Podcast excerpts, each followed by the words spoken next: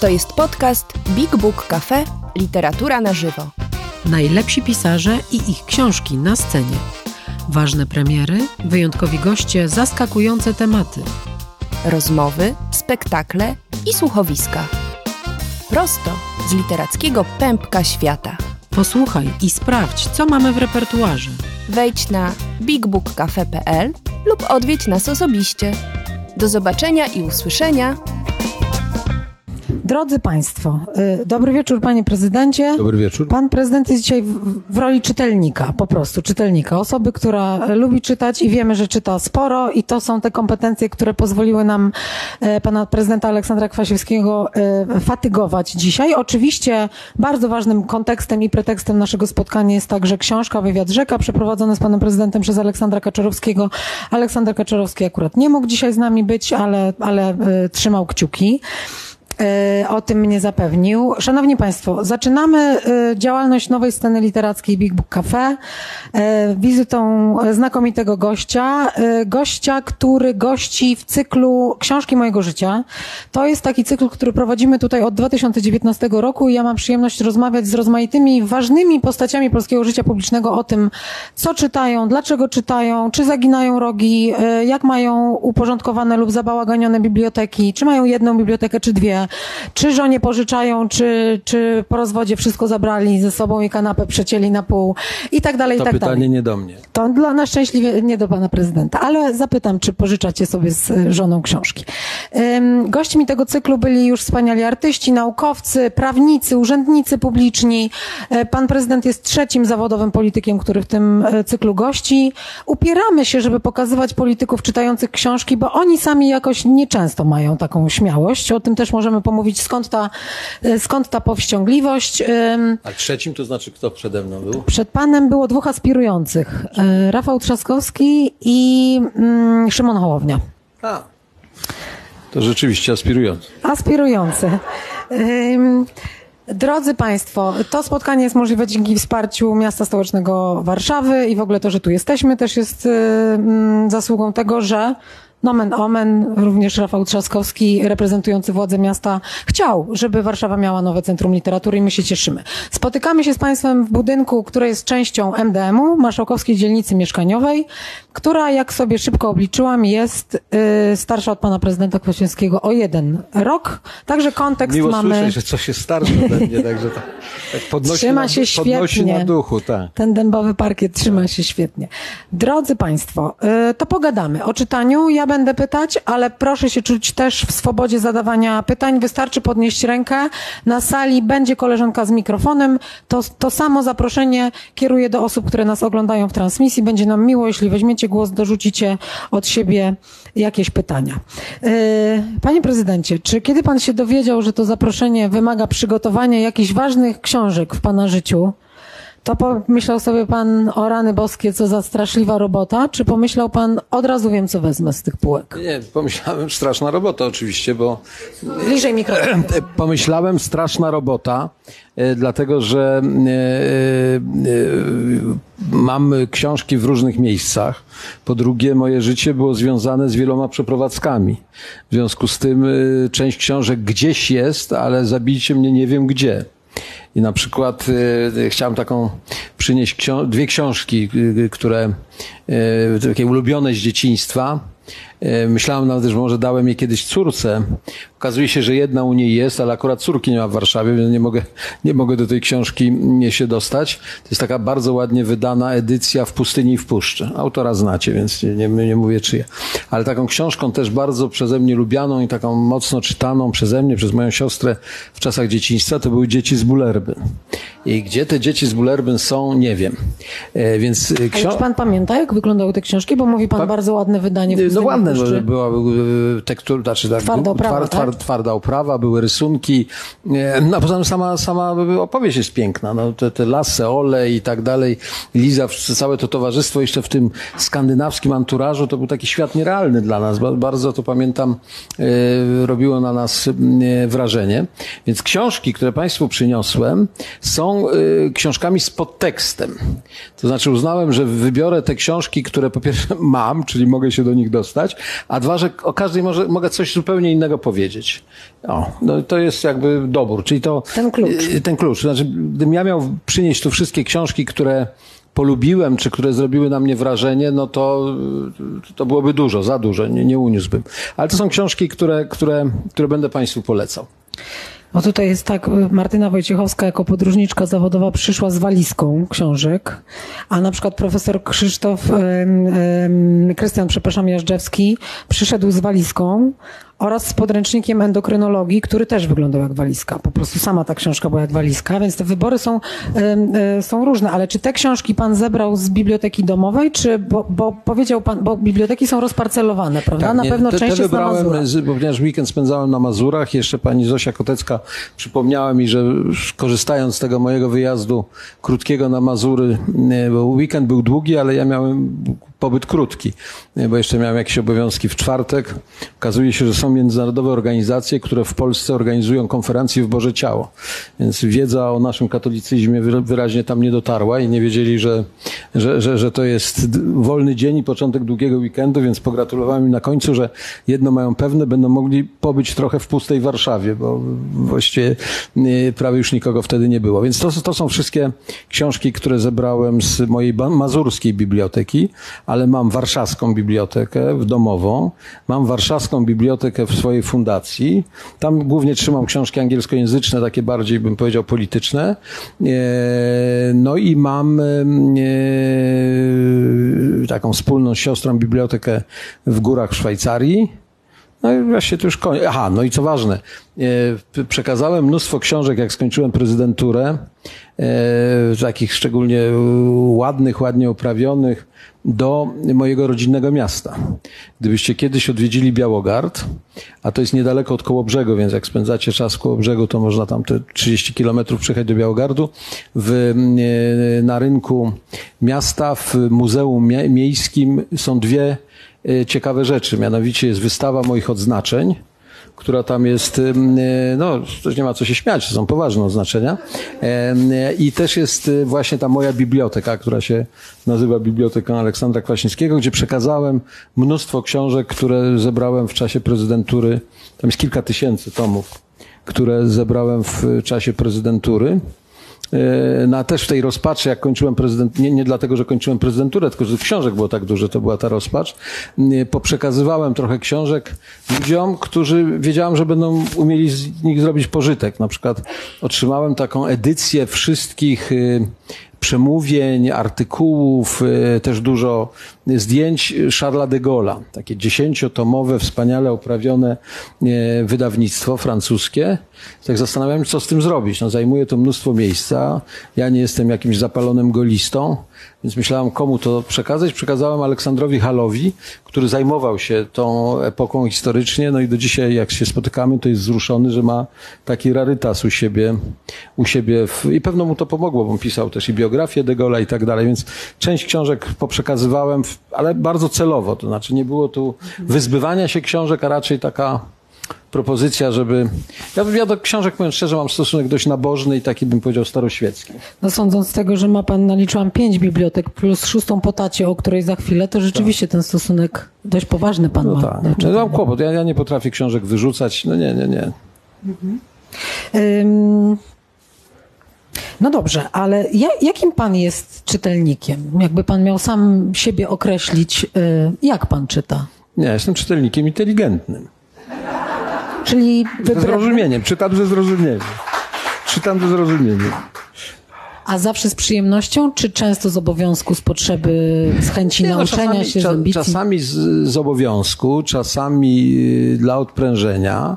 Y, Z wiekiem doszedłem do y, takiego, ale to nie dotyczy książek, to tak samo dotyczy filmów na przykład.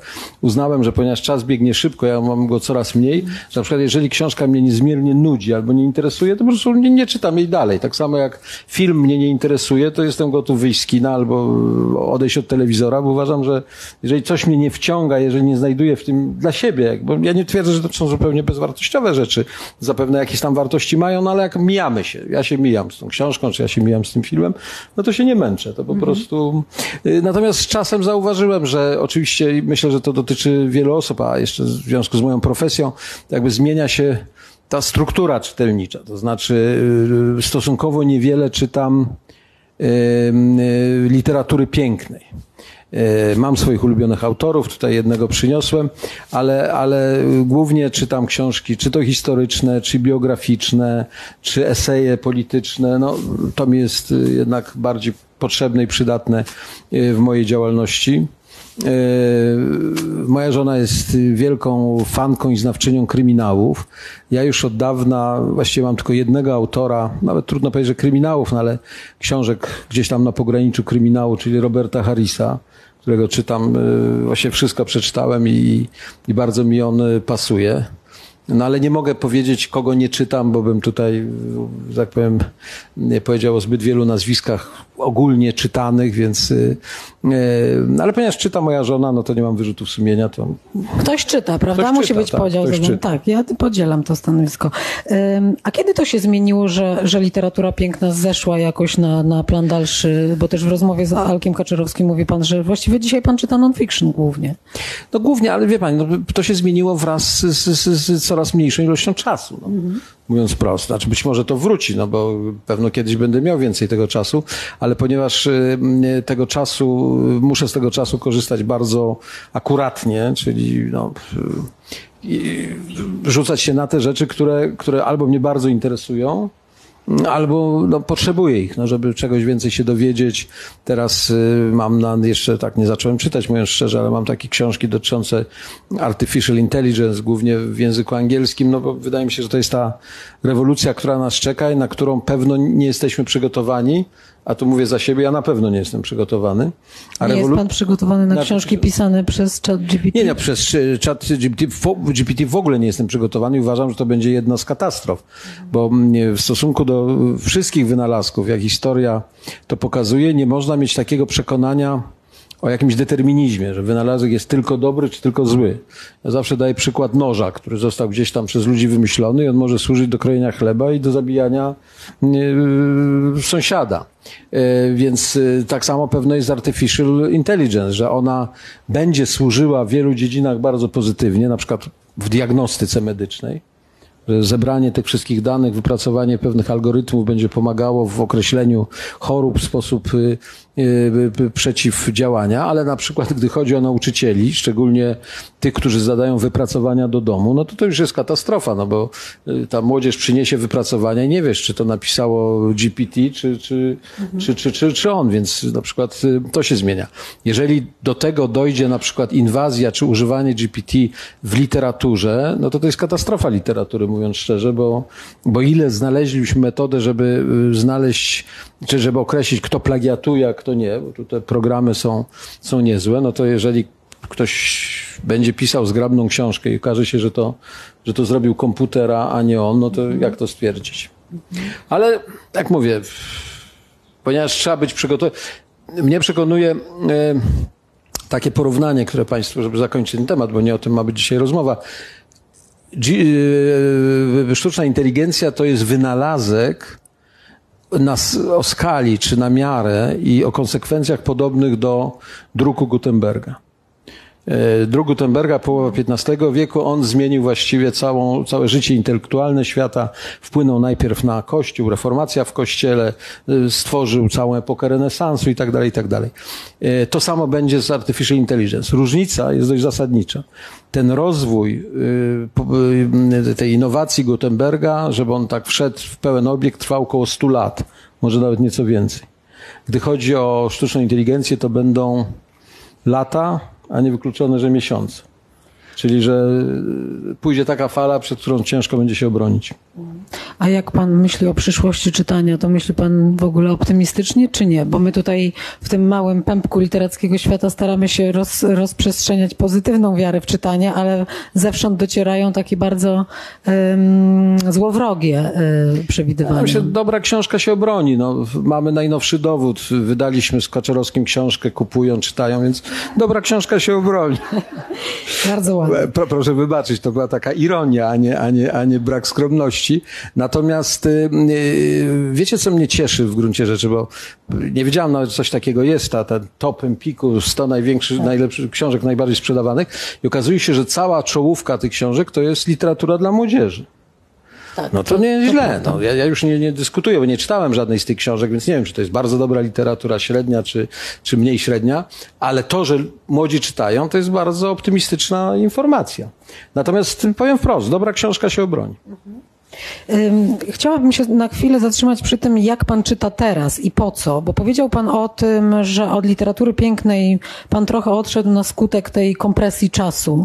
Jestem ciekawa, czy pan uważa, że to jest kompresja czasu w pańskiej biografii, że pan po prostu jest zajętym bardzo człowiekiem i na tą literaturę nie ma aż tyle czasu i oddechu, czy jednak pan w tym widzi pewien proces, który dotyczy no, nas wszystkich, jak tutaj siedzimy, że jest nam trudniej wejść w opowieść yy, fikcyjną, która nas zabiera gdzieś indziej, bo jesteśmy tak przejęci naszą rzeczywistością, tak potrzebujemy pomocy w jej rozumieniu, że nie starcza tej przestrzeni dla fantazji. Ja, ja bym tutaj niczego nie ugólniał. Znaczy, moja sytuacja y, jest taka, że po pierwsze moje zainteresowania zawsze były takie mocno historyczno-polityczne i tak dalej, więc to, to nie jest tak, że, że, że ja książki historyczne brałem do ręki z przymusu. Nie? Ja to lubiłem zawsze, od, od małego można powiedzieć. Natomiast y, ja jestem przekonany, że w tym skomplikowanym świecie, stawiam tezę, ale to moja intuicja mi to podpowiada, nie mam żadnych danych. Natomiast, y, że y, literatura piękna ma szansę, dlatego że w tym ogromnym zabieganiu, w tym stresie, w którym żyjemy, a będziemy żyli jeszcze bardziej, będzie potrzeba odreagowania, będzie potrzeba takiej, no nazwijmy wprost, ucieczki. I że ta ucieczka może się odbywać, y, żeby nie uciekać w używki, żeby nie uciekać w jakieś, nie wiem, y, stany frustracyjno-depresyjne. Ona może być właśnie taką ucieczką do tego świata, mówię, nierzeczywistego, do świata y, arty- artystycznego, literackiego i tak dalej. Więc ja, ja nie wieszczę upadku tej literatury pięknej czy, czy rynku dla literatury pięknej. Podobnie jak zauważcie Państwo, że jak oglądamy, rynek filmowy też jest przecież bardzo, e, bardzo charakterystyczny, że ogromna część dzisiaj e, filmów jest tworzona właśnie gdzieś tak między e, reality a fiction, że, że właśnie ta, ta, żeby to powiedzieć tak najkrócej, ludzie potrzebują bajek. E, Właśnie po to, żeby trochę zapomnieć, żeby trochę odreagować, żeby trochę inaczej spojrzeć na różne rzeczy. A ponieważ literatura piękna w jakimś sensie jest, jest bajką, jest opowieścią, także ja tu nie jestem jakimś e, wielkim e, pesymistą. Ja bym się bardziej obawiał tego, że mm, u młodych ludzi, u dzieciaków jakby zabraknie tego wychowania do, do czytania do czytania, do pisania. Y, Kiedyś ze zdumieniem, wręcz z przerażeniem usłyszałem informację, że Finlandia, którą bardzo cenię, bo to jest kraj, który dokonał wielkiego postępu, także dzięki bardzo rozsądnej edukacji, że oni w jakimś momencie, ze dwa, trzy, czy nie, kilka lat temu stwierdzili, że oni już w ogóle dzieciaków nie będą uczyć pisać. Bo i tak wszyscy operują na, na, na, na urządzeniach i tak dalej. No, ja pomyślałem, no to jest bardzo ryzykowne, bo, bo jednak y, od pisania za, zaczyna się też trochę i czytanie. Zaczyna się trochę taka wiwisekcja własna. No, jak sam coś musisz napisać nawet ręcznie, no coś więcej możesz zrozumieć. Ale w którą stronę pójdą te eksperymenty edukacyjne, pojęcia nie mam. No a jak to się, a jak to się zaczęło u pana? W opowieści y, książkowej mówi pan y, piękną historię o bibliotece swojego taty, dla której pan zresztą znalazł dom, zdaje się. Rozumiem, że ona jeszcze czeka, tak? Na, na, No na czeka, no cały czas jest domu. na Mazurach i nie wiem komu to przekazać. Przy tym, że większość to jest, y, to są książki medyczne, bo ojciec był lekarzem i miał wspaniałe i pięknie też oprawione te naprawdę takie no, fundamentalne dzieła medyczne z różnych dziedzin. W Polsce zwróciłem się do różnych bibliotek, akademii medycznych, żadna nie była zainteresowana. Wszystkie powiedziały, że już są scyfryzowane i, i, i, i rozmawiam w Kijowie. I w Kijowie ta biblioteka medyczna była tym bardzo zainteresowana. Kiedy już byłem szczęśliwy, że będę mógł tam przekazać, zaczęła się wojna. No więc, no ale wojna mam nadzieję kiedyś się skończy i może do tego czasu jeszcze nie zdigitalizują wszystkiego, więc będzie można, można przekazać. Ale myśmy żyli w, w świecie książek. Nas w domu było bardzo dużo książek. E, może stąd też jakby to, to takie przekonanie, że, że, że książka jest ważną częścią naszego życia. Mama też czytała dużo? Tak, tak. I mama czytała, i, no i tata czytał, i myśmy czytali.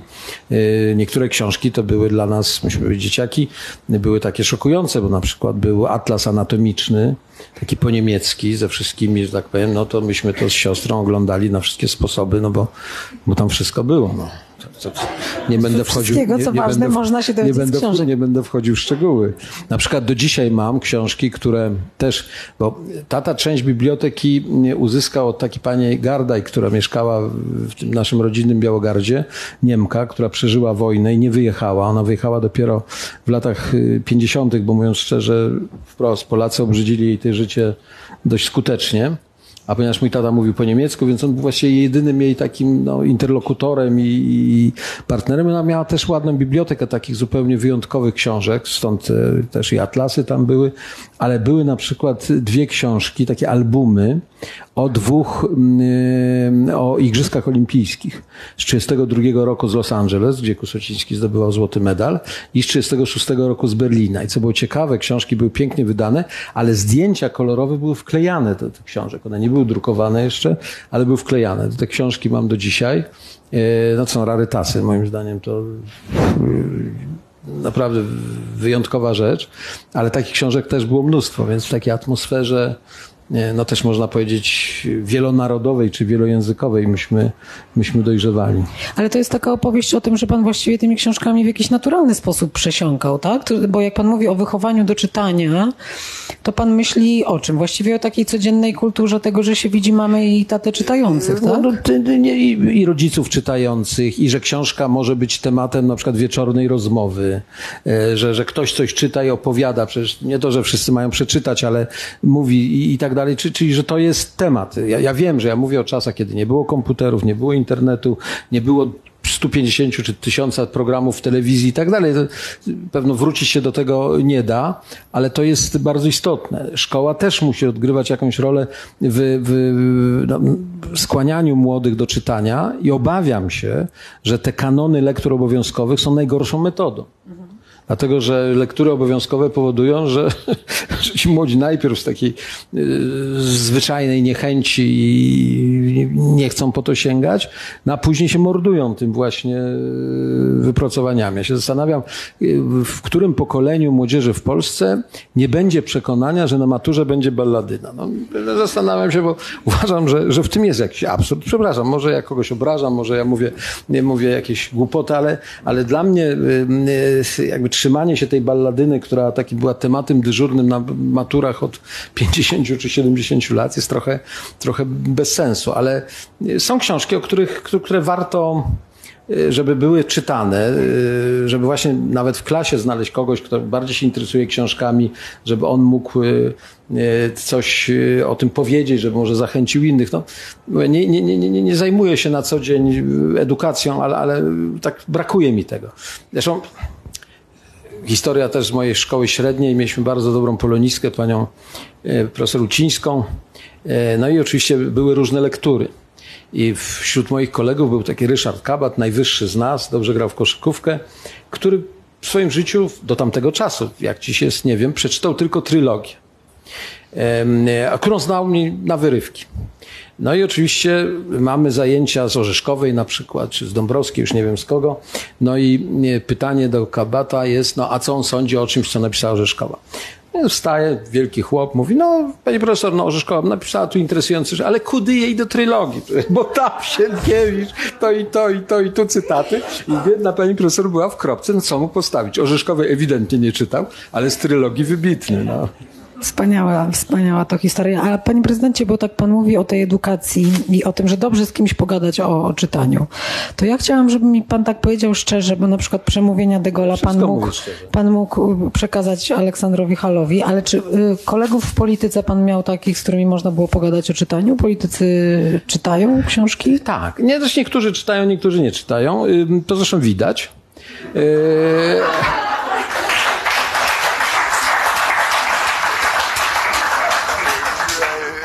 Ale są na przykład, y, bardzo y, dużo czytał y, Clinton. Z tego co wiem, również bardzo takim pożerającym literaturę był Obama. Dobrze, na przykład powiem nazwisko niepopularne, ale całkiem odczytanym człowiekiem był Schroeder dużo bardziej w moim przekonaniu niż Kohl, który bardziej czytał takie dzieła, że tak powiem, chrześcijańsko-demokratyczne, czyli Ale skąd pan prezydent to wie? Oni mają biblioteki, po których to było widać, czy zdarzało wam się no, porozmawiać? z rozmów, no z rozmów. No, y, rozmawialiśmy, na przykład była jakaś książka modna czy, czy znana w tym czasie i było wiadomo, z kim można o tym pogadać i z kim nie ma, nie ma najmniejszego sensu. Pamiętajcie, że politycy jak się spotykają, to w pewnym momencie już mają tak dość tej polityki, że muszą mówić o czymś innym. Y, Już wtedy, dzisiaj to już w ogóle nie wchodzi w grę, ale już wtedy nie rozmawiało się o, o kobietach. No, głównie byliśmy w męskim gronie, więc to, to był temat zakazany. Ale na przykład rozmawiało się o sporcie. Stąd doskonale wiem, kto się znał na sporcie, kto jak był bardzo tam włączony w, w pewne rzeczy. Słuchajcie, nawet nie zdążyłem tego, nie, nie, nie napisaliśmy, dlatego jest jakaś zachęta, żeby jakieś kolejne tomy tworzyć, ale po, po jednym z trójkątów weimarskich, w, w koło Ramstein to miało miejsce w jakimś tam zamku, był Kohl, Chirac i ja i wtedy dokonywała się zmiana na stanowisku szefa UEFA, czyli tej Europejskiej Organizacji Piłkarskiej. I między Kohlem a e, Chiraciem była dyskusja, kto ma być następcą, czy kto, kto ma być tym szefem. Kohl bardzo się opowiadał za tym, co był, czyli Szwedem Johanssonem, a Chirac bardzo chciał Platiniego. I słuchajcie, tak rozmowa zaczynała się tak powolutku, powolutku, ale tym autobusem jeszcze do samolotów nie dojechaliśmy, a tam już była regularna kłótnia. Także panowie, że tak powiem, się zacietrzewili, że, że, że tak. W końcu jeszcze wtedy został Johansson, a później został Platini, ale to inna historia.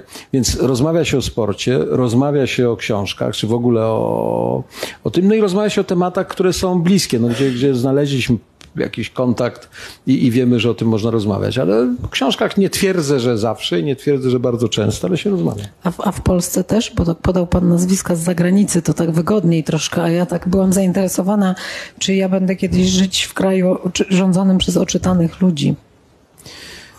Nie wie pani, no. W, w, znaczy, łatwiej mi powiedzieć o przeszłości. W jakim kraju będzie pani żyła, to mi trudniej powiedzieć, ale, ale nie, no to, słuchajcie, nie, to żeby być obiektywnym. Nie, nie, ja staram się być sprawiedliwy w ocenach i nie lubię tej. Znaczy, było ludzi sporo w policji, których ja poznałem, którzy byli niezwykle oczytani. Tadeusz Mazowiecki, absolutnie. Oczytany, sam pisał, czytał, by, był redaktorem naczelnym y, i tak dalej. y, y, Świetnie. Bronisław Geremek, no wybitny mediewista, też człowiek niezwykle oczytany. Karol Modzelewski, no mówię o nieżyjących w tej chwili, też bardzo oczytany człowiek, ale z mojego na przykład środowiska, Józef Oleksy, absolutnie człowiek czytający i, i znający i interesujący się tym. E, Leszek Miller jest bardziej człowiekiem oglądającym filmy, aniżeli głównie filmy akcji.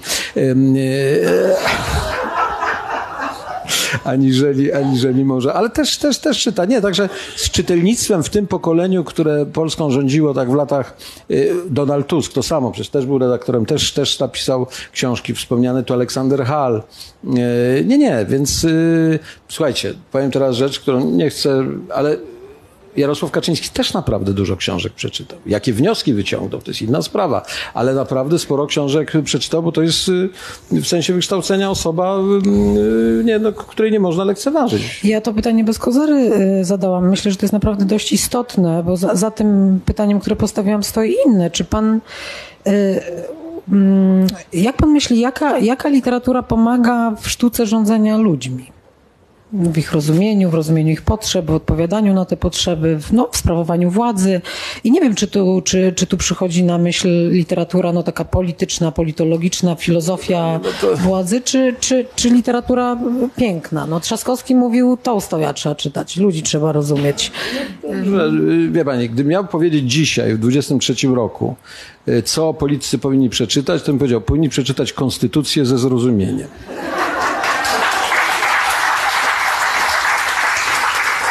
To samo, To to nie- to nie samo jest- proponował Adam Bodnar. Tak, to nie jest bardzo grube dzieło, y, ale warto byłoby... Coś mi wysiadło? Halo? Chyba nas nie słychać znowu, prawda? Tak, wiemy, że nas nie słychać. Poczekamy chwileczkę. Chyba teraz znowu słychać. Aż jak robię żarty z obecnej władzy, to mi wyłączają mikrofon.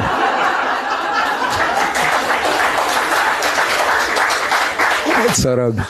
Nie, Ale jak pani pyta, jakie książki czytać, uważam, że dla każdego polityka niezwykle istotne jest znać historię, więc e, przeczytać ją, ale nie w takim wydaniu, że tak powiem, skrótowym, co się kiedy wydarzyło, i jeszcze pamiętać daty, bo to nie jest konieczne, ale przeczytać dobre książki, ja tu mam, nie wiem, czy już To mogę bar- się po- tak, bardzo proszę. Myślę, że to jest wspaniały Właśnie. moment. E, żeby na przykład czytać książki, e, które no, jakby otwierają zupełnie inne, inne horyzonty, zmieniają nieco sposób myślenia. Żyjemy w tej chwili w okresie e, dramatycznej, tragicznej wojny, agresji rosyjskiej na e, Ukrainę. I ja, włącznie z tym, że przekazałem tą książkę, podarowałem e, również prezydentowi Dudzie, bo mu chwaliłem tą książkę i powiedział, że, że, że, żeby mu, że, że chętnie się zapozna, więc nie czekając na to, że kupi, wysłałem mu to. Teraz ostatnio go spotkałem, to parę lat minęło, pytam, czy czytał, no jeszcze nie czytał. Ale, ale o książce ma być. Więc e, to jest książka e, świetnego historyka oksfordzkiego, Simon no, Simon Monte- Montefiore, e, oksfordzki, on napisał wcześniej świetne książki o Stalinie. Czerwony Dwór e, Stalina, Młody Stalin, ale to była bardziej taka historia, że tak powiem, Związku Radzieckiego i tak dalej. Ta książka to jest cała historia Romanowych, czyli od y, 1613 roku do rewolucji październikowej. Gruba książka, fantastycznie napisana. Czyta się to momentami jako dobrą historię, czasami jak kryminał, czasami jak love story, ale to jest... Y, To ciągle może- nie słuchać? Co, teraz, a teraz może słychać? A teraz mnie słychać? To zamienię. Tak. Ale nie wiem. Y, To jest y, książka, jak mówię, cała historia Romanowych, czyli ten 1613-1917 i Wszystkie historie. Naprawdę y, nie będę streszczał, bo się nie da, ale kiedy zapytano mnie, jaki ja wniosek wyciągam y, po, po przeczytaniu tej książki, to powiem tak. To jest dzieło, które, kiedy zapytają was, jak przeczytacie tą książkę, czy Rosja jest krajem Europity. To jest, to jest jakieś inne miejsce. E, I jeżeli ktoś chce zrozumieć e, zarówno e, filozofię władzy, tej imperialnej władzy rosyjskiej, ich sposób myślenia o człowieku, jednostce, ich sposób myślenia o hierarchii, o zależności, o wpływach, to ta książka naprawdę daje mnóstwo materiału, żeby lepiej zrozumieć to, co dzisiaj się dzieje po stronie rosyjskiej. Dlaczego Putin jest taki, taki jaki jest i dlaczego ma poparcie tak wielu Rosjan. Dlatego, że to wychodzi. To jest kraj zbudowany na, na takiej właśnie hierarchii władzy, na strachu, który tu jest obecny na każdej niemalże kartce i na no, zbudowanej zupełnie inaczej mentalności. Yy, Najdalej Rosji jest do społeczeństwa obywatelskiego i, i, i to się nie zmieni ani dzisiaj, ani jutro, ani pojutrze. Dlatego każdy, który chciałby lepiej zrozumieć i Rosję, i problemy, które Rosja powoduje i jakie my mamy z Rosją, polecam bardzo yy, Sebak Montefiore, Simon Sebak Montefiore, e, Romanowowi. I druga książka, którą tu mam z tych historycznych, tu zresztą jest pewna, pewien ukłon w stronę pani Zofii, która mówiła, żebym przyniósł książki takie przeczy, zaczytane, takie, takie podniszczone i tak dalej. widać, że Tak, i- i przeżyła tak, swoje głównie ta ta przeżyła swoje, bo musiałem rozlać na nią jakąś herbatę czy, czy, czy coś, ale to jest książka polskiego historyka Arkadiusza Stępina, Sojusznicy i to jest bardzo ciekawie napisana historia relacji między Rosją a Niemcami. Od czasów zamierzchłych, od Katarzyny Wielkiej, która jak wiadomo była Niemką, ale yy, i Fryderyka i tak dalej, do czasów najnowszych, czyli relacji już współczesnych Niemiec z, yy, z wcześniej Związkiem Radzieckim, a dzisiaj Federacją Rosyjską.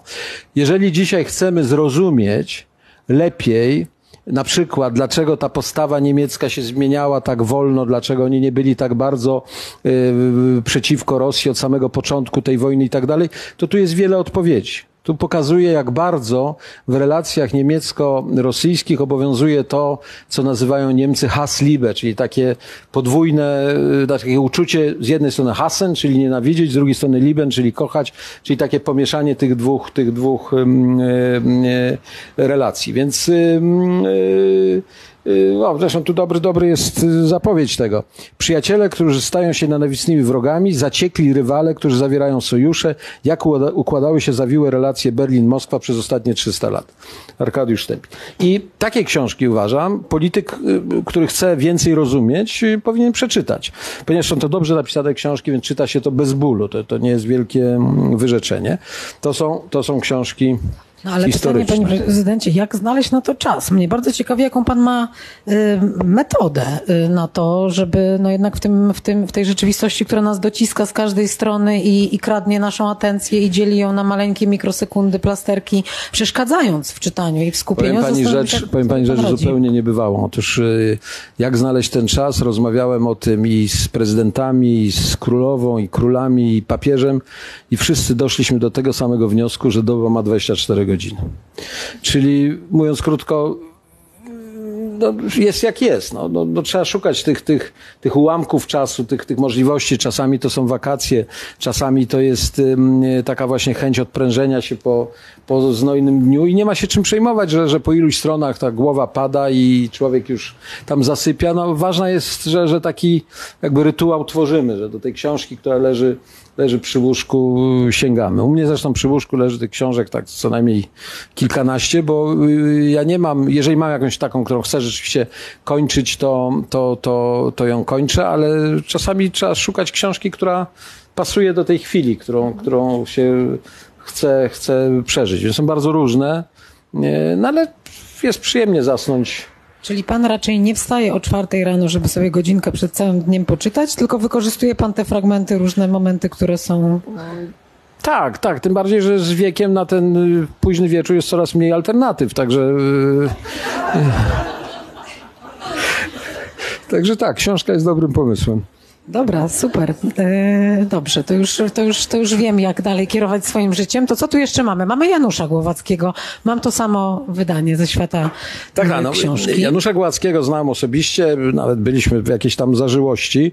Uważam go za świetnego pisarza, e, bardzo takiego właśnie e, zorientowanego w, w tym, co się dzieje współcześnie, do, dobrego obserwatora rzeczywistości, jak to się mówiło, a przy tym człowieka, który umiał to przekazać, często bardzo głębokie myśli i bardzo interesujące obserwacje, takim niezwykle dobrym, pełnym autoironii, dowcipu językiem.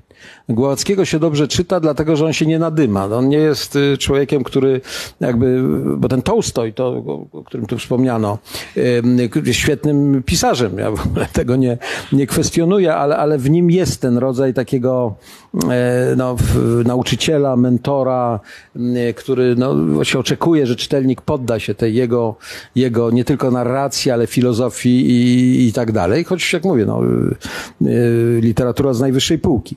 Głowacki robi to w sposób, który jest mi bliższy, to znaczy taki bardziej z dystansem, z przymrużeniem oka, nie rezygnując z powagi, nie rezygnując z tego, żeby te myśli były głębokie i, i z, z dużą, dużą autoironią. Także tak, pytany, jak mu się podobało na jakimś bardzo słynnym bankiecie w Nowym Jorku, powiedział, że tylko szalik mu ukradli. To jest właśnie, myślę, dobre podejście jego. Do, do, no tak, no bo to właśnie trzeba zawsze... Oddaje sytuację. Znaczy, jeżeli czytacie, czyli przeczytacie tą naszą książkę, to też zauważycie, że tam trochę jest takich elementów, że mówimy o sprawach, które są na bardzo wysokim diapazonie, ale koń, kończę to zazwyczaj jakąś jednak taką puentą bardziej, no pół żartem, pół serio, bo bo powiem wam zupełnie szczerze, z mojej perspektywy, wszyscy, którzy traktują swoje życie bardzo serio, muszą cierpieć. Jeżeli potraktujecie życie tak trochę żartem, a trochę serio, nie rezygnując z wielkich idei, nie rezygnując z celów, które chcecie osiągnąć, to, to, to, to, to, to, to łatwiej żyć i więcej chyba można osiągnąć. Ale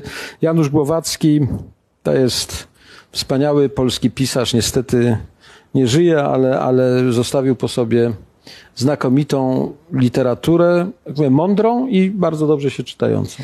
A czy na przykład Głowacki to jest taki pisarz, którego pan czyta od y, początku do końca? Znaczy, czy pan ma aut takich autorów, y, na których pan czekał, czeka, że czyta pan wszystko, co oni napiszą, ten, poza Harrisem, o którym pan No wspomniał? to mam, mam, mam w tej chwili takiego autora i to właśnie muszę Państwu powiedzieć z literatury e, pięknej. Tam y, trudno sięgnąć pod spodem. Jest Och, mój Julian Barnes. Julian o, Barnes. Wspaniale. I Juliana Barnesa, jakby dowiedziałem się o nim, poznałem go dzięki, to polityczny kontakt, bo pierwszy mi o nim powiedział były kanclerz Austrii Wolfgang Schissel i nawet mi podarował po angielsku tą książkę Zgiełk Czasu, która później ukazała się po polsku. I od tego momentu zacząłem czytać wszystko. Teraz lada moment ma się ukazać nowa książka e, Barnesa. Już byłem w księgarni i, i, i, i pytałem, ale jeszcze, jeszcze jej nie było. E, Barnes ma e, to jest książka, która e, jest poświęcona Szostakowiczowi, wszystkich, wszystkim jego uwikłaniom. On, wielki artysta, no, wspaniały kompozytor, e, a jednocześnie czasy stalinowskie, uwikłany w te wszystkie struktury i, i ten strach, który wtedy panuje, e, jednocześnie komponuje. Nie chce się do końca ześwinić, ale to wszystko jest na takiej bardzo cienkiej linii i tak dalej. E, I, i, I co najważniejsze jest u Barnesa, że wszystkie jego książki mają około dwustu kilkudziesięciu stron, więc e, Nobla pewno nie dostanie, e, bo, bo książki są za szczupłe, ale literatura jest naprawdę, No tak, naprawdę no, wielka. To jest, to jest rzeczywiście autor piszący sup, super prosto, w super wyrafinowany sposób. Ja I więcej, jego się też dobrze czyta po angielsku. Znakomicie. Znaczy, że, że, ponieważ to jest język, który nawet dla ludzi, którzy nie są, tak powiem, native English speaker, to jest, to jest y, do, jakby do przeczytania. Znaczy, czuję się te wszystkie niuanse, ale to nie jest, ja mówię, największy problem z, no, z tymi, którzy mówią bardzo dobrze po angielsku jest to, jak oni zaczynają y, stosować te y, zdania potrójnie, poczwórnie i, i więcej złożone. Jak ja słyszę, że ktoś mówi y, however, nevertheless i znowu however i no to, to już ja jestem zmęczony, no bo ile razy można, że tak powiem, tych zakrętów przejść z, z nimi, czy to w literaturze, czy w takim języku mówionym. Ale Julian Barnes bardzo polecam, naprawdę yy, świetny, świetny autor. A w jakim języku pan najbardziej lubi czytać? Bo pan biegle mówi w kilku, prawda? Więc ma pan Nie, no po dostęp polsku. do Nie, nie, literatury. nie. No to, nie, no Woli pan nie, po nie. polsku, Nie, nie, tak? no, no oczywiście, a szczególnie, że Polska ma szczęście do wybitnych tłumaczy. Y, My naprawdę mamy od, od czasów Malinowskiego i, i, tłumaczeń Hemingwaya i tak dalej, my naprawdę we wszystkich językach. Polska, znaczy nie potrafię powiedzieć, jak to jest w innych krajach, ale Polska, gdy chodzi o tłumaczenia, jest y, w dobrym położeniu. Także czytanie i co więcej, w tej chwili jeszcze jest to, że wydawnictwa nadążają. To znaczy, że to nie jest tak, że y, coś się ukazało w Londynie, to u nas się ukaże za 10 lat. No więc y, to będzie w ciągu krótkiego czasu, więc y, po polsku y, czytać warto. Po angielsku, czy, czy po rosyjsku, czy po niemiecku staram się czytać od czasu do czasu. Skłamałbym, że, że, że, że robię to pasjami, ale, ale po to, żeby podtrzymać też trochę, trochę język. No to jest, y, no z angielskim jest najmniej problemu, ciągle się w nim mówi, ale już na przykład niemiecki, którego uczyłem się w szkole, no to w tej chwili z Niemcami wolę mówić po angielsku, bo oni zazwyczaj mówią dobrze po, po, po, po angielsku, a jak się zaczyna z nimi mówić po niemiecku, to oni od razu uważają, że ja mówię tak po niemiecku jak oni i zaczynają iść te However swoje, te, te, te, however, nevertheless. nevertheless, no i, i znowu już zaczyna być, zaczyna być ten, y, ten problem. E, Ale, ale też czytanie literatury po, po, po rosyjsku jest W Polsce był taki autor, autorka, z którym, z którą pan był długo, e, z taką wiernością jak, jak z... Nie, nie, ja tylko z żoną. Tylko z żoną. Tak, nie, z wiernością to tylko żoną. E, natomiast, e, nie, nie, no, e, słuchajcie, z, z polskich literatów oczywiście e, znam osobiście i nawet na Mazurach parę razy gościliśmy Olgę Tokarczuk. Wspaniała osoba o niezwykle, niezwykłej erudycji, niezwykłej wiedzy, niezwykłych umiejętnościach językowych. To, jak ona tworzy, to jest dzieło samo w sobie. Nawet gdyby, gdyby jej książki były niczym, to sam język jest tak piękny, że, że warto czytać, a one są o czymś. One to są, to są wybitne dzieła, ale powiedzmy sobie jasno, to nie jest, to nie jest łatwa literatura. E, natomiast z e, autorów obecnych e, bardzo sobie cenię, tu przyniosłem jedną książkę, o niej będzie historia, ale bardzo cenię Wiesława Myśliwskiego.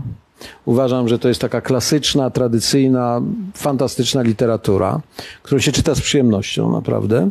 I znam osobiście, bo Myśliwskiego znam tyle o ile, ale Józefem Henem mogę powiedzieć, jestem w jakiejś zażyłości od lat. Józef Hen też wielki pisarz a któregoś dnia zaskoczył mnie, mówiąc, że on musi się spotkać, bo on potrzebuje ode mnie informacji w sprawie książki, którą pisze. I to jest ta książka, są Bruliony profesora T, to jest rodzaj kryminału. To nie jest najlepsza książka Hena, między nami mówiąc, ale, ale ja mówię, no o co chodzi? Okazuje się, że on tam e, prowadzi taką intrygę kryminalną, w której potrzebuje prezydenta tego, o czymś jest niepoinformowany, czy niepoinformowany, więc ja mu co powiedziałem, co wiedziałem, i później ku memu zdumieniu czytam yy, yy, ten, tą książkę i okazuje się, że występuje tutaj pod bardzo takim niewyszukanym pseudonimem Bok Kwach, żeby, żeby nikt się nie domyślił. E, no i w ten sposób niejako, że tak powiem, mam swój wkład w literaturę. Ale jakiś tak po pozytywny ten epizod? No nie, taki dotyczący informacji. No, spotykam się z prezydentem, co prezydent powiedział. Nie, no ja nie jestem mordercą w tej książce, ale, ale, ale dla mnie było to naj, najbardziej właśnie ciekawe, że, że Józek Hen, wielki literat, postanowił tak spotkać się ze mną, żeby kilka rzeczy uściślić, jak się prezydent o niektórych rzeczach dowiaduje, skąd, kto go informuje, co on może zrobić i tak dalej, i tak dalej. Więc tak trochę poznałem e, to ze strony takiego warsztatu, warsztatu literackiego. Ale Józef Hen napisał naprawdę wspaniałe e, powieści. On ma swoich ulubionych bohaterów, to jest Stanisław August Poniatowski, to jest Montaigne, ale on pisze wspaniałe dzienniki, które moim zdaniem są taką niezwykle e, ciekawą obserwacją tego wszystkiego, co dzieje się w Polsce w ostatnich, w ostatnich latach. E, był na inauguracji mojej książki, a ma 99 lat, w przyszłym roku 100 lat. Niech nam y, w zdrowiu żyje jak najdłużej i mam nadzieję, że mu wyprawimy jakieś większe wydarzenie na, na stulecie. A propos tego, że osadził Pana w swojej książce, Pan mówił skąd y, prezydent różne rzeczy wie, jak jest poinformowany, to mnie bardzo ciekawi, jak Pan znajduje te książki, które pan czyta? To znaczy, czy pan miał w ogóle w życiu jakichś przewodników w czytaniu, kogoś, komu pan ufa, że panu książkę podsuwa? Czy pan chodzi nadal po księgarniach? Czy pan sobie nie sam no. wyszukuje w necie? Jak to jest Nie, no wszystko jest. No, czy, czasami czytam recenzje, yy, obserwuję, co się dzieje, czy, czy konkurs Nike, czy inne. Chodzę po księgarniach. Yy, i, mam swoje ulubione księgarnie, mogę zdradzić. Tak, bardzo proszę. No to tak? w tej chwili, bo kiedyś miałem na Chorzej taką małą, zamknęli, o tą małą księgarnię na Chorzej walczyliśmy z Jerzym Pilchem, bo tam się spotykaliśmy i... E, blisko stara... miał. Jurek. Pan Jerzy miał blisko na Chorzej. On miał blisko i nam bardzo zależało, żeby, żeby ona się utrzymała, ale niestety nie wytrzymała i nie ma jej, a w tej chwili taką księgarnią, do której, bo ja nie, znaczy, oczywiście jak byłem w Ameryce, to chodziłem z, z dużą radością do Barnes Nobles, czyli tej wielkiej sieci, gdzie, gdzie można było, i tam szukałem też poloników i na przykład z poloników e, na przykład zawsze była Szymborska, zawsze był Miłosz, był Herbert, więc e, to nie było tak, że, że tam e, nie było nie było polskich autorów w całkiem dobrych tłumaczeniach. Natomiast dzisiaj moją ulubioną księgarnią jest czytelnik na wiejski. Bardzo lubię. Profesor Bartoszewski też tam chodził regularnie. Tak, no i, i tak, nie, z Bartoszewski spotykam się przy innych okazjach, w księgarni nie, ale stwierdzam, że jak tam przychodzę, to jakby to jest blisko Sejmu, Tak? Ja wiem, że posłowie są zajęci, więc przesadnie polityków tam nie spotykam, no ale, ale mówię, są zajęci. oni zazwyczaj zajęci. stoją tak wzdłuż wiejskiej i gadają sobie o czymś przy samochodach tam, ale, No nie, ale nie to ci, to ci z. Platformy, bo oni tam mają swoją siedzibę. No tak, tak, to prawda. E, Ale ja też bardzo lubię te księgarnie. Mam poczucie, że tam są wszystkie książki, które być powinny i że jak tam wejdę, to na pewno z No i to do jest. ogarnięcia, bo tak no, człowiek tam te półki przejdzie i mniej więcej wie, co się, co się dzieje. Natomiast jak wchodzi się do takiego molocha, gdzie trzeba jeszcze windami czy schodami jeździć, to, to już jest trudniej. No u nas nie będzie wind, ale mamy nadzieję, że te półeczki jeszcze dzisiaj puste e, wypełnią się książkami. E, Może ktoś z Państwa po tej naszej... Ale to ja może skończę prezentację dobrze, książek, żeby już dobrze, mieć... i potem bo, ponieważ ja się boję, że jak tu zostawię, to później... E, Bo właśnie, pan prezydent ma dość taki, jakby to powiedzieć, czuły stosunek do obiektów Bardzo. książkowych. Nie, nie, niechętnie pan pożycza. Bardzo niechętnie. E, Bardzo niechętnie, dlatego że nie wiem, jakie jest Państwa doświadczenie, ale mm, książka pożyczona zazwyczaj z trudem wraca. I to jest, no, nazwę to delikatnie.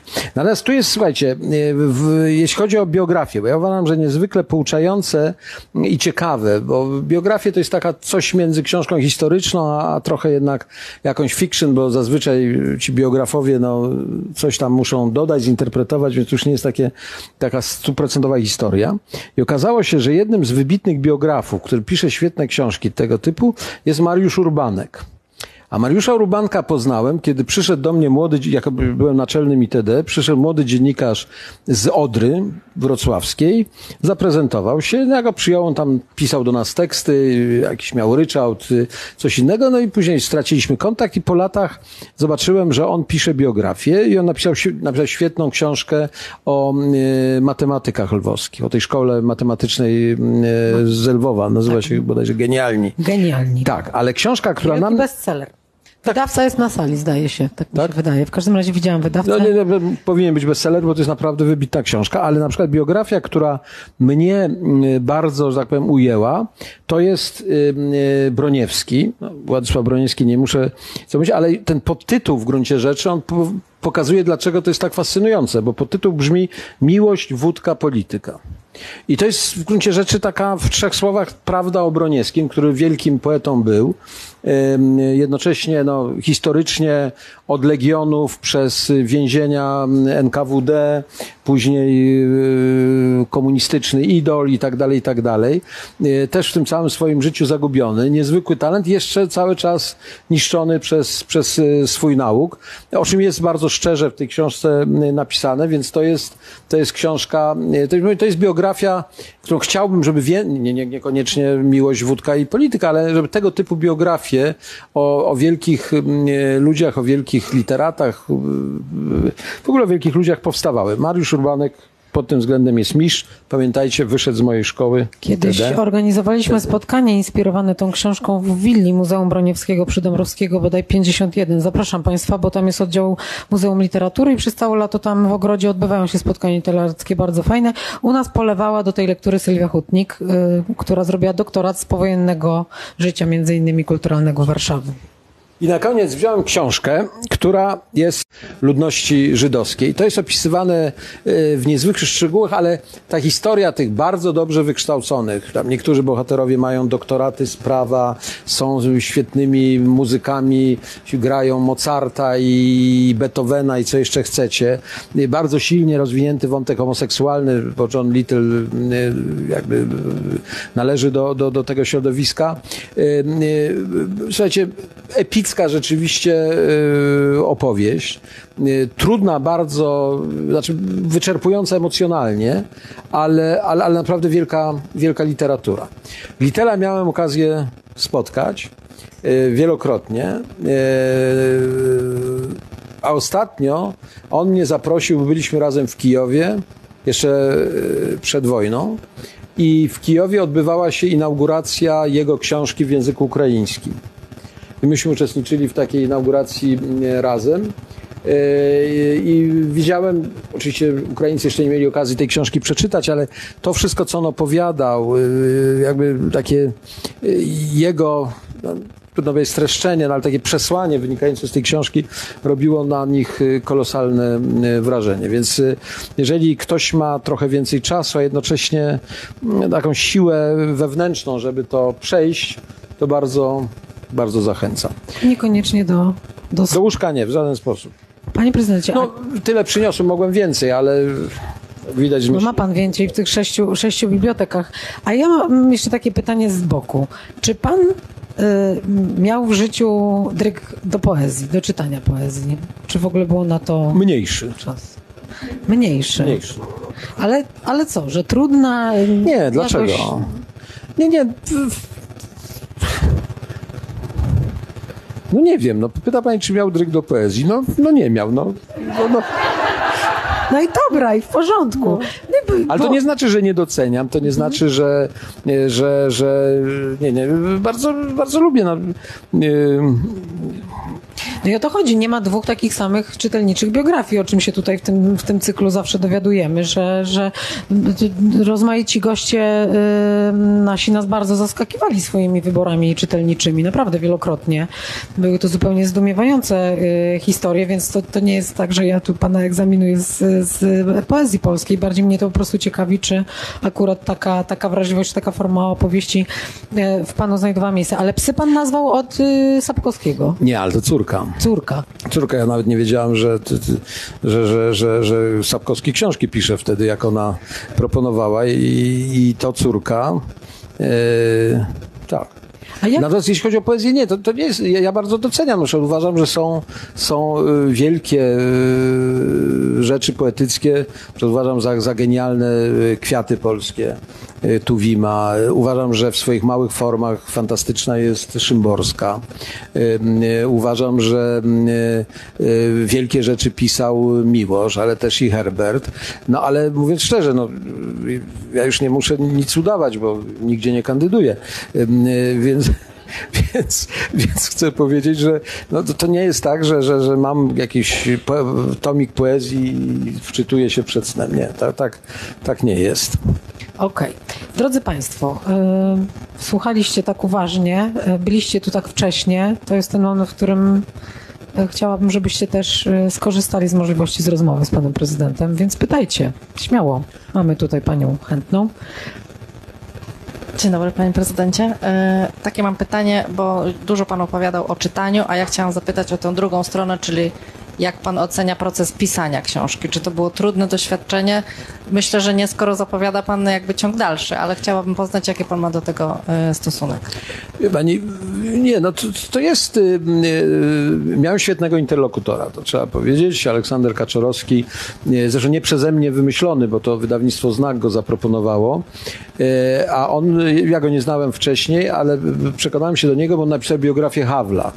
I przeczytałem tę biografię Hawla i uznałem, że on się rozumie politykę. No to łatwiej się rozmawia z kimś, gdzie ktoś się zna na polityce, czy, czy rozumie ją, no więc już nie trzeba niczego tłumaczyć od początku.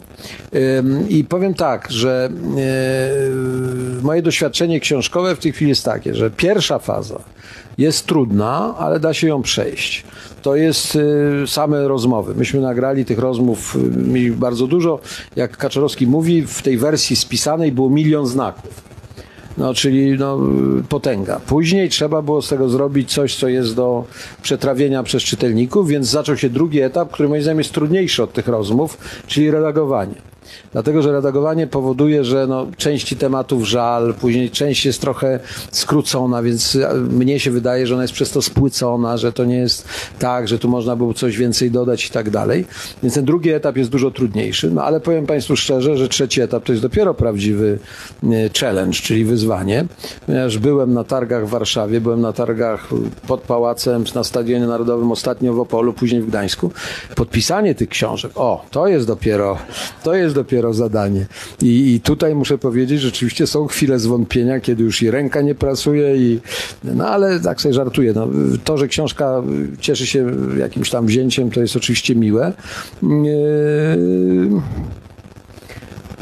jakby wiele wątków zostało y, jeszcze niedotkniętych. Na przykład taka krytyka, z którą ja się zgadzam w stosunku do tej książki, z paru już ust ją słyszałem, jest taka, że myśmy trochę za mało poruszyli tych wątków polskich.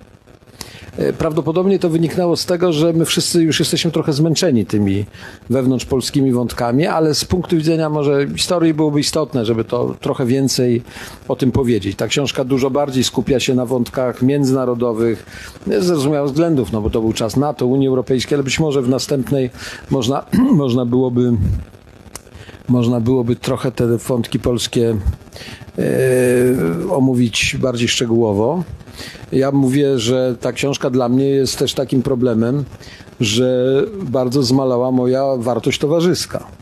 Dlatego, że jak do tej pory książki nie było, to ja na różnych spotkaniach mogłem różne te ciekawe historyjki opowiadać i dla wszystkich z anegdoty się wyprzedały, Te anegdoty, tak? tak, a teraz wszyscy mówią, e, to my czytaliśmy, to już nie to.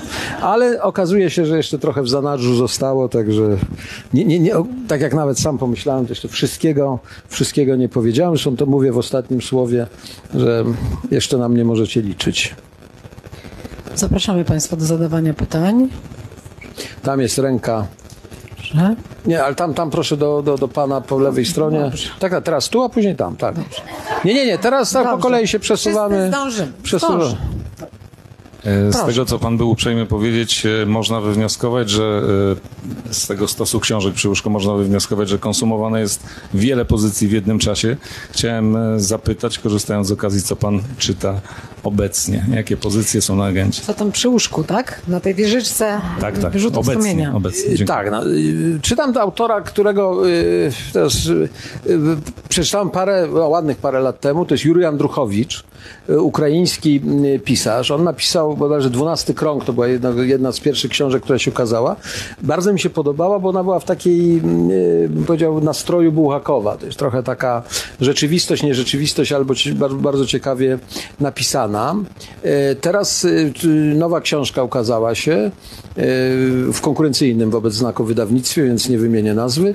E, e, Wydawnictwo Czarne wznawia książki Andrychowicza. nie, ale to akurat czytelnik tak? Czy wydał. To czytelnik. Czytelnik wydał. e, e, nazywa się Radio Noc. To jest też taka historia, taka w mocno bułhakowskim stylu, więc e, mam ją e, na, na, na, na, na łóżku, znaczy przy łóżku. E, Druga to jest e, książka dotycząca, e, chyba nazywa się Oni, e, w stosunku do środowisk homoseksualnych w czasie e, II wojny światowej, w czasie okupacji. O, Jan Ostrowski, tak? nie, nie, to kobieta napisała, teraz sobie właśnie nie mogę przypomnieć. Kto? Joanna Ostrowska, tak, tak, tak. Nagrodzona e, e, Nikę czytelników. Nikę czytać. No tak, naprawdę wstrząsająca książka, mówiąc, mówiąc szczerze. Zresztą z bardzo dobrym też y, wstępem Mariana Turskiego, który y, jakby przyznaje się do tego, że oni po tej drugiej stronie, czyli ci, ci Żydzi zagonieni do obozu, nie wykazali, nie wykazali naprzemiennie. To jest książka y, dwóch autorów dotycząca roli spin doktorów we współczesnym świecie, czyli mówiąc krótko manipulacji, manipulacji polityką. E, Jest jeszcze kilka, które tam leżą niżej, więc już trochę zostały przykryte e, kurzem, ale, ale e, one na przykład, no to, to, to nas nie będę was nawet zachęcał, na przykład e, jest m, taki Daniel Jergin, taki wybitny specjalista od spraw rynku energetycznego, ropy, gazu i tak dalej. Mój znajomy, ponieważ e, to jest mąż Angeli Stent, Pan ma bardzo dużo znajomych w świecie bardzo literatury, ja długo żyję. Co długo- autor, to żeście się ale droga poznali. pani, ja po pierwsze długo żyję, po drugie jestem człowiekiem towarzyskim, no więc i jeszcze jak pani zauważy, trochę czytającym, więc to... No właśnie. Więc jak tu nie znać ludzi. E, A Daniela Irgina znam przez to, że jak wykładałem na Georgetown, moją szefową, o czym też w książce jest, była Angela Stent, mm, e, taka mm, specjalistka od Związku Radzieckiego i Rosji, a on jest nagrodzony zresztą Pulitzerem. E, Autor, który jest wybitnym specjalistą od tych spraw właśnie energetycznych, napisał najnowszą książkę, która pokazuje, w którą stronę to się może zmieniać. No, ale to bardziej traktuję jako podręcznik. Ale jako, to, jako... to wielki i bardzo powiedziałabym gorący temat. No tak, U nas spółek schodzi o energetyce, także warto czytać. Tak jest. W ogóle warto czytać, słuchajcie, naprawdę. nie? Tam, tam, tam ręka była pierwsza. Dzień dobry. Nazywam się Jacek Hołoniewski, jestem dziennikarzem ekonomicznym i właśnie pytanie moje dotyczy tej dziedziny, całkiem konkretne. Otóż w Konstytucji RP jest taki zapis, artykuł 220 punkt drogi. Ustawa budżetowa nie może przewidywać pokrywania deficytu budżetowego poprzez zaciąganie zobowiązania w Centralnym Banku Państwa. Otóż okazuje się, że w pierwotnym projekcie konstytucji nie było tego zapisu. Dopiero znalazł on, on dlatego tam, ponieważ pan zgłosił go jako poprawkę, będąc wtedy prezydentem. I proszę mi powiedzieć, dlaczego zaproponował pan tę moim zdaniem szkodliwą poprawkę, e, dzięki której musimy się zadłużać i dług publiczny rośnie i odsetki od niego. I czy ktoś panu doradził w tej sprawie? Dziękuję.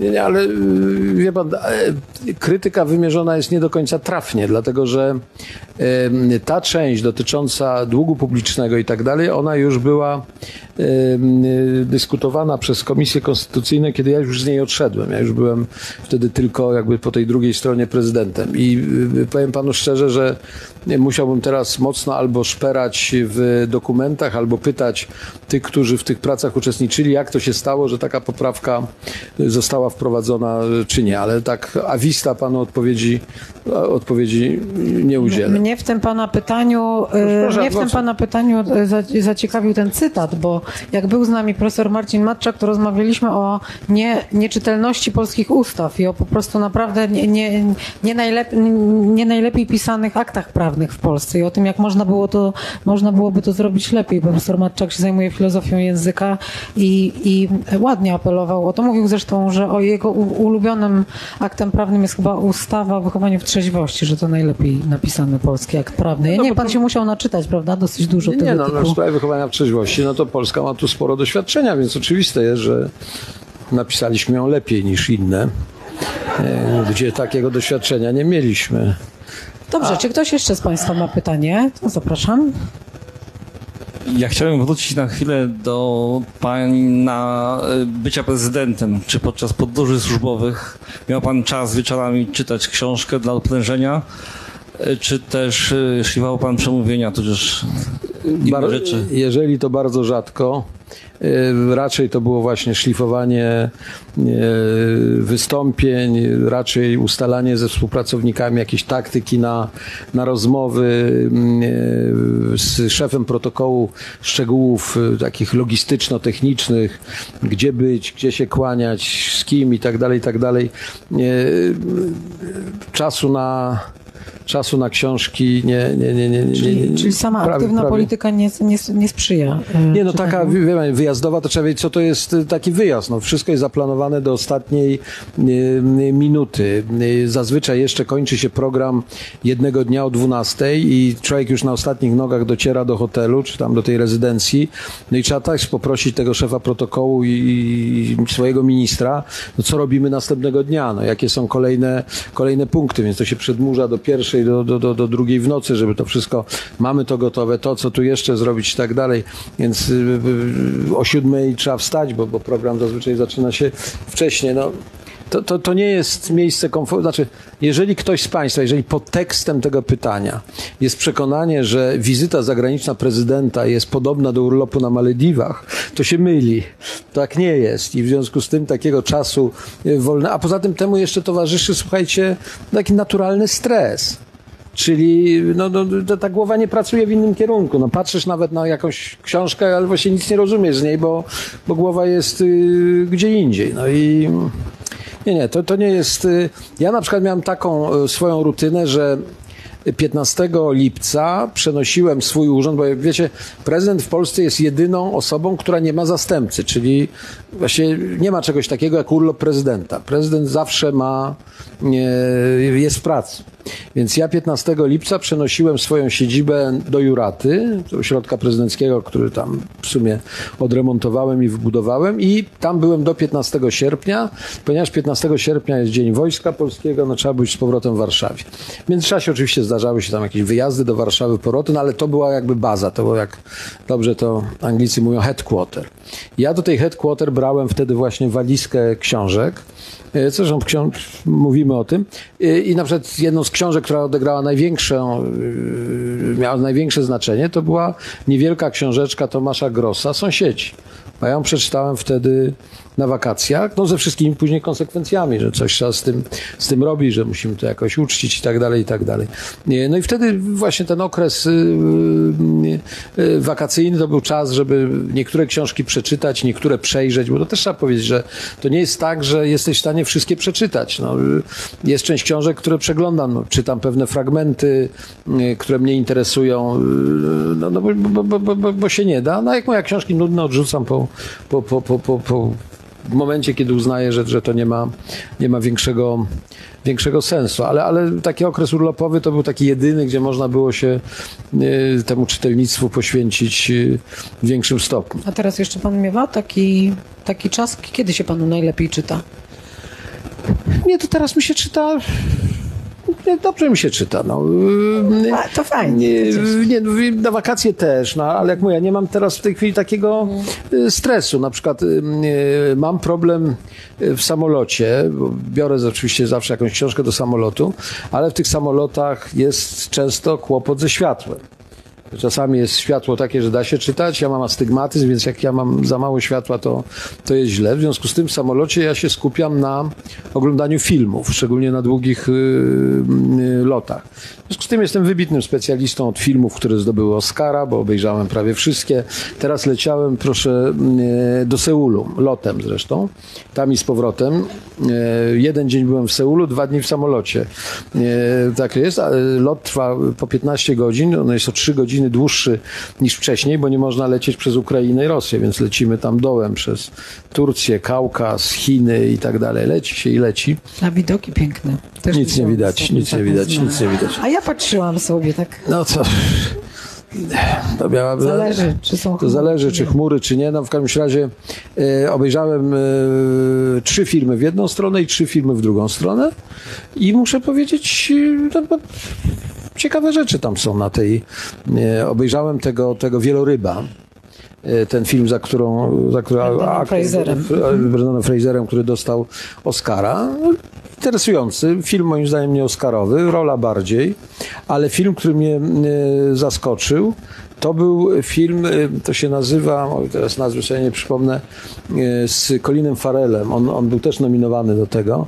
Taka historia, która dzieje się w Irlandii, na takiej wysepce. Jak? Duchy, tak. Z Isherwood. Taiszy. Słuchajcie, moim zdaniem to jest Oscarowy film. To jest wybitny film, który w dodatku ma taką znakomitą paralelę tego bezsensownego sporu, który toczy się na wyspie, z tym w ogóle niepokazanym sporem, który jest na lądzie, gdzie, gdzie walczą protestanci z katolikami, gdzie cały czas te odgłosy wojny docierają. To jest absolutnie jeden z najlepszych filmów, jakie ostatnio, jakie ostatnio y, widziałem. Ym, Świetny jest film polski, który obejrzałem też wszystko na tej trasie, ym, y, na atajo. E, Pomykała, Dorota Pomykała główną rolę takiej zahukanej kobiety położ, położnej, która e, wpada w długi, która później za pomocą nożyka kuchennego usiłuje obrabować bank. Więc historia brzmi wręcz komediowa, ale to jest taki prawdziwy, głęboki dramat o, o, o, o ludziach właśnie takich pozbaw... jakby, którzy znaleźli się na, na marginesie wszystkiego, życia rodzinnego, bo ona nie ma kontaktu ani z tym mężem, który żyje obok, ani z synem. Czyli bardzo, bardzo dobry, wstrząsający film. Więc w samolotach głównie zajmuje się kinem, a na lądzie zajmuje się książką. Na lądzie. Mam takie pytanie od kogoś, kto nas ogląda. Czy pan w dzisiejszych czasach czuje, że jest. y, Czy pan nie sądzi, że w dzisiejszych czasach po prostu jest panu bliska literatura Huxleya, Kawki, Orwella? Że pan żyje w takim świecie? No, wie pani, ponieważ żyjemy w takim świecie, to już nie sięgam po tą literaturę, no bo yy, wystarczy włączyć od czasu do czasu wiadomości telewizji rządowej mamy pełnego Orwella pomieszanego z kawką Yy, i to jest niesamowite. Dzisiaj ktoś mi yy, w internecie radosną rzecz przysłał, mianowicie E, Podobno, ja tego nie oglądałem, jest ten serial antytuskowy, który telewizja publiczna, tak zwana publiczna, zaczęła wczoraj pokazywać.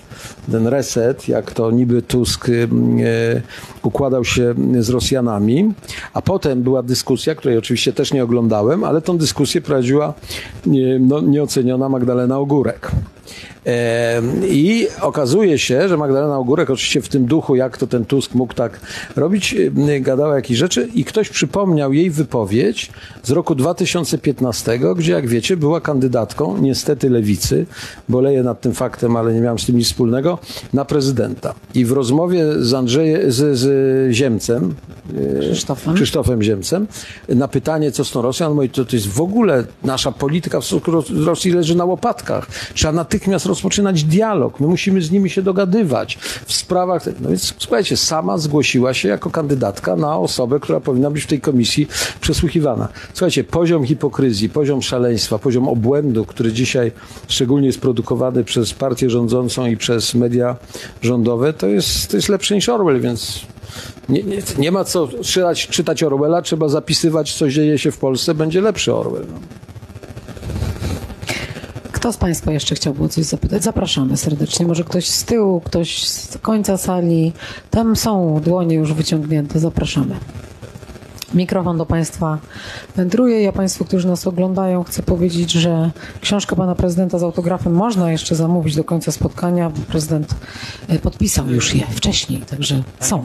Słuchamy. e, Mam pytanie. Mikrofon takie. bliżej ust poprosimy. Czy słychać? Do mikrofonu Do bliżej. mikrofonu bliżej, będzie nam lepiej. Słychać? Tak. E, Panie prezydencie, lżejsze pytanie ode mnie z Londynu. Gdyby pan występował w programie BBC4 Desert Island Discs, nie wiem, czy pan o tym słyszał, programie występują różni ciekawi ludzie, mają płyty do wybrania i na koniec mają książkę do wybrania plus jakąś rzecz, rzecz luksusową. Mnie bardzo interesuje, jaką jedyną książkę pan by uratował z morza w tym wypadku. Dziękuję. Znaczy, wie pan, strasznie trudne pytanie, ale zacznę od takiej refleksji. E, Zawsze miałem opinię, że BBC jest takim dobrym e, programem, taką dobrą telewizją, ale skoro mnie jeszcze do tego programu nie zaprosili, to znaczy, to znaczy, że z nimi aż tak dobrze nie jest. Ale to oczywiście żart. Natomiast z książek, e, to jest, Właściwie to jest niemożliwe. No, gdybym chciał zachować jakiś sentyment i takie właśnie wspomnienie y, młodości, to bym, to bym zabrał te dzieci z Bulerbyn. Nie dlatego, Ale że... gdzieś są, tak? No gdzieś są, tak, ale nie dlatego, że ja dzieci nie je, tylko dlatego, że to jest taki, taki pomost jakby do tego, co, co człowiek przeżył, a poza tym jakby to, to jak się człowiek musi z jedną książką uciec, znaczy cały świat się wali, a te dzieci z Bullerbyn to jest taki świat sielski, anielski, taki zupełnie inny, więc może takie marzenie o takim idealnym, y, cudownym, y, bezstresowym świecie y, miałoby mm, sens. Ale powiem panu tak trochę poważniej. Otóż ja myślę, że każdy zna nie, no to już powiedziałem jedną książkę, ale, ale to nie chodzi o jedną książkę, bo aż takiej, którą, którą aż takiej, którą noszę przy sobie, Raz, dwa, raz, dwa, raz, dwa. O, teraz zwrócił dźwięk. to nie ma, ale chcę coś poważniej powiedzieć, bo to pytanie o tą jedną książkę, ono jest takie atrakcyjne, ale się trudne do odpowiedzi. Ja myślę, że każdy z nas, y, no, zbliżając się do tego swojego kresu, no jest trochę w takiej sytuacji, którą książkę chce zabrać ze sobą. I myślę, że nie ma takiej jednej książki. Ale ta suma tych książek, które się przeczytało, suma tych y, wrażeń, tych uczuć, nastrojów i tak dalej, to gdzieś w człowieku jest. Więc my z taką jakąś jedną przetrawioną książką gdzieś się będziemy odmeldowywać y, z tego, y, z tego świata, ale ważne, żeby one w głowie były.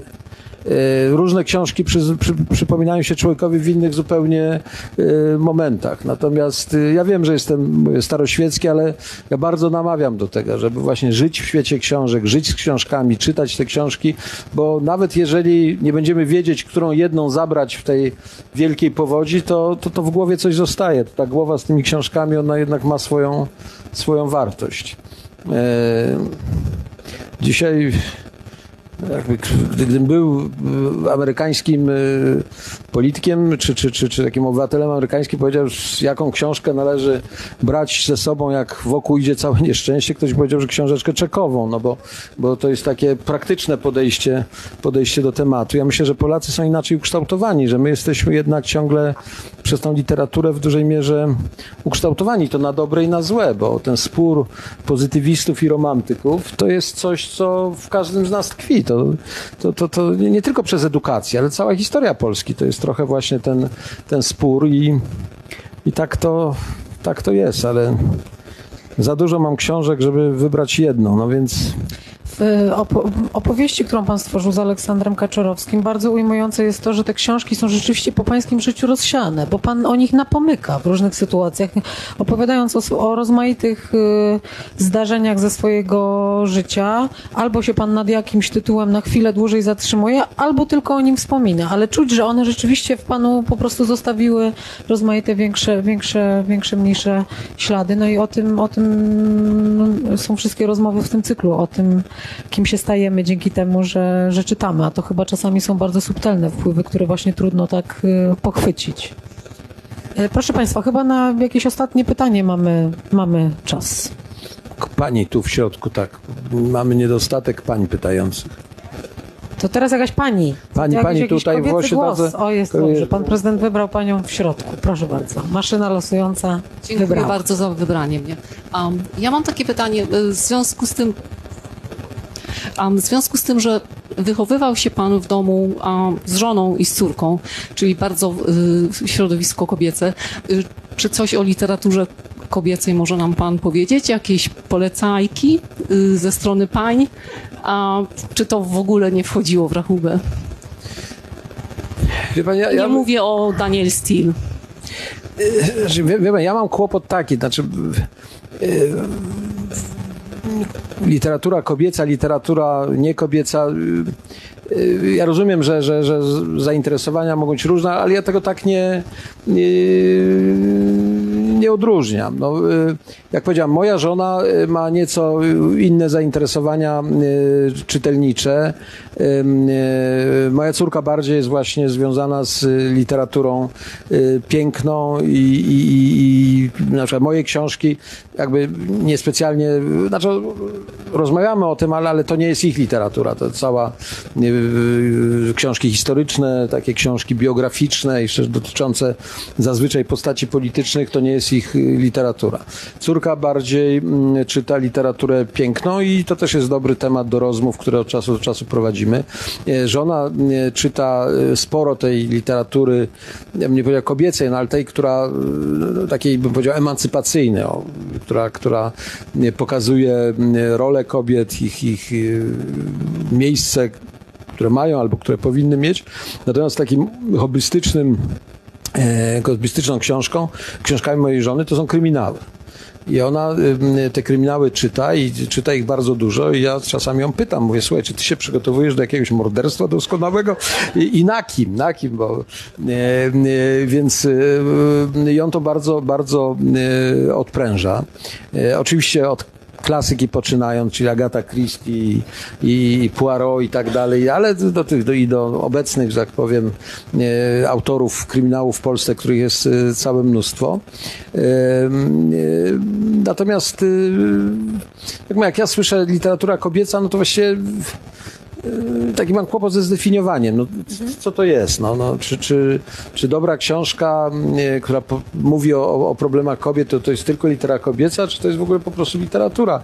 Dla mnie to jest, e, to jest y, literatura. No, ja mam, sporo autorek y, kobiet, które niezwykle y, y, cenię. No, i w literaturze pięknej, no to już mówiłem, ale na przykład y, Noemi Klein, no to jest rzeczywiście jedna z najwybitniejszych intelektualistek, która pokazuje te wszystkie przemiany, które dokonują się w świecie, zagrożenia, które, które mają miejsce, ale nigdy bym, jakby powiedział, ja nie patrzę na to przez pryzmat, że, że to napisała kobieta czy, czy mężczyzna. Literatura jest dla mnie albo interesująca, e, albo interes, interesująca, którą czytam. Jest dobra literatura, która jakby mnie mniej interesuje, więc jej nie czytam. Jest literatura mniej dobra, której staram się unikać, ponieważ nie mam czasu. A y, biblioteki w domu z żoną rozdzielone, czy pomieszane macie te książki? Yy, No, przy łóżkach mamy, ja mam swoją kubkę, ona ma swoją, czyli tu jest rozdzielone, ale reszta jest pomieszana. A pan wie, gdzie pan y, co ma? Gdzie szukać? Tak obudzony w środku nocy, gdzie ten litel stoi, to pan pokaże? No, ja z książkami mam mniej więcej taką, takie rozeznanie, co mam gdzie, jak moja żona w garderobie. No, mniej więcej porównywalne. No, że znajdujemy, trzeba, to no, znajdujemy. no. Rozumiem. Żona z garderobą nigdy nie miała problemu, także Ja zawsze jestem pełen podziwu dla kobiet e, ze względu na zawartość ich torebek. Ja, e, ja powiedziałam już żonie wiele lat temu, że nic kosmos. nie będę szukał w jej torebce, ja nie jestem w stanie znaleźć. Ona to znajduje bez pudła. Jak to jest możliwe, dali Bóg nie wiem. No. Wspaniała metafora biblioteki. Biblioteka jak kobieca torebka. Ostatnie pytanie tego wieczoru, drodzy Państwo. Pan prezydent wybiera Tutaj, dłoń. tu, kobiety, kobiety. Pani, pani w drugim rzędzie. Dobrze.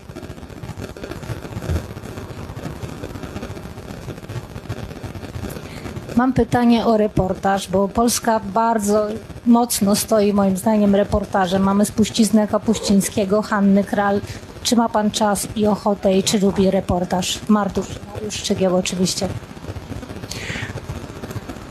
Znaczy, reportaż był bardzo obecny w moim e, życiu wcześniej. Znaczy, szczególnie w tym okresie takim e, no, młodzieńczym.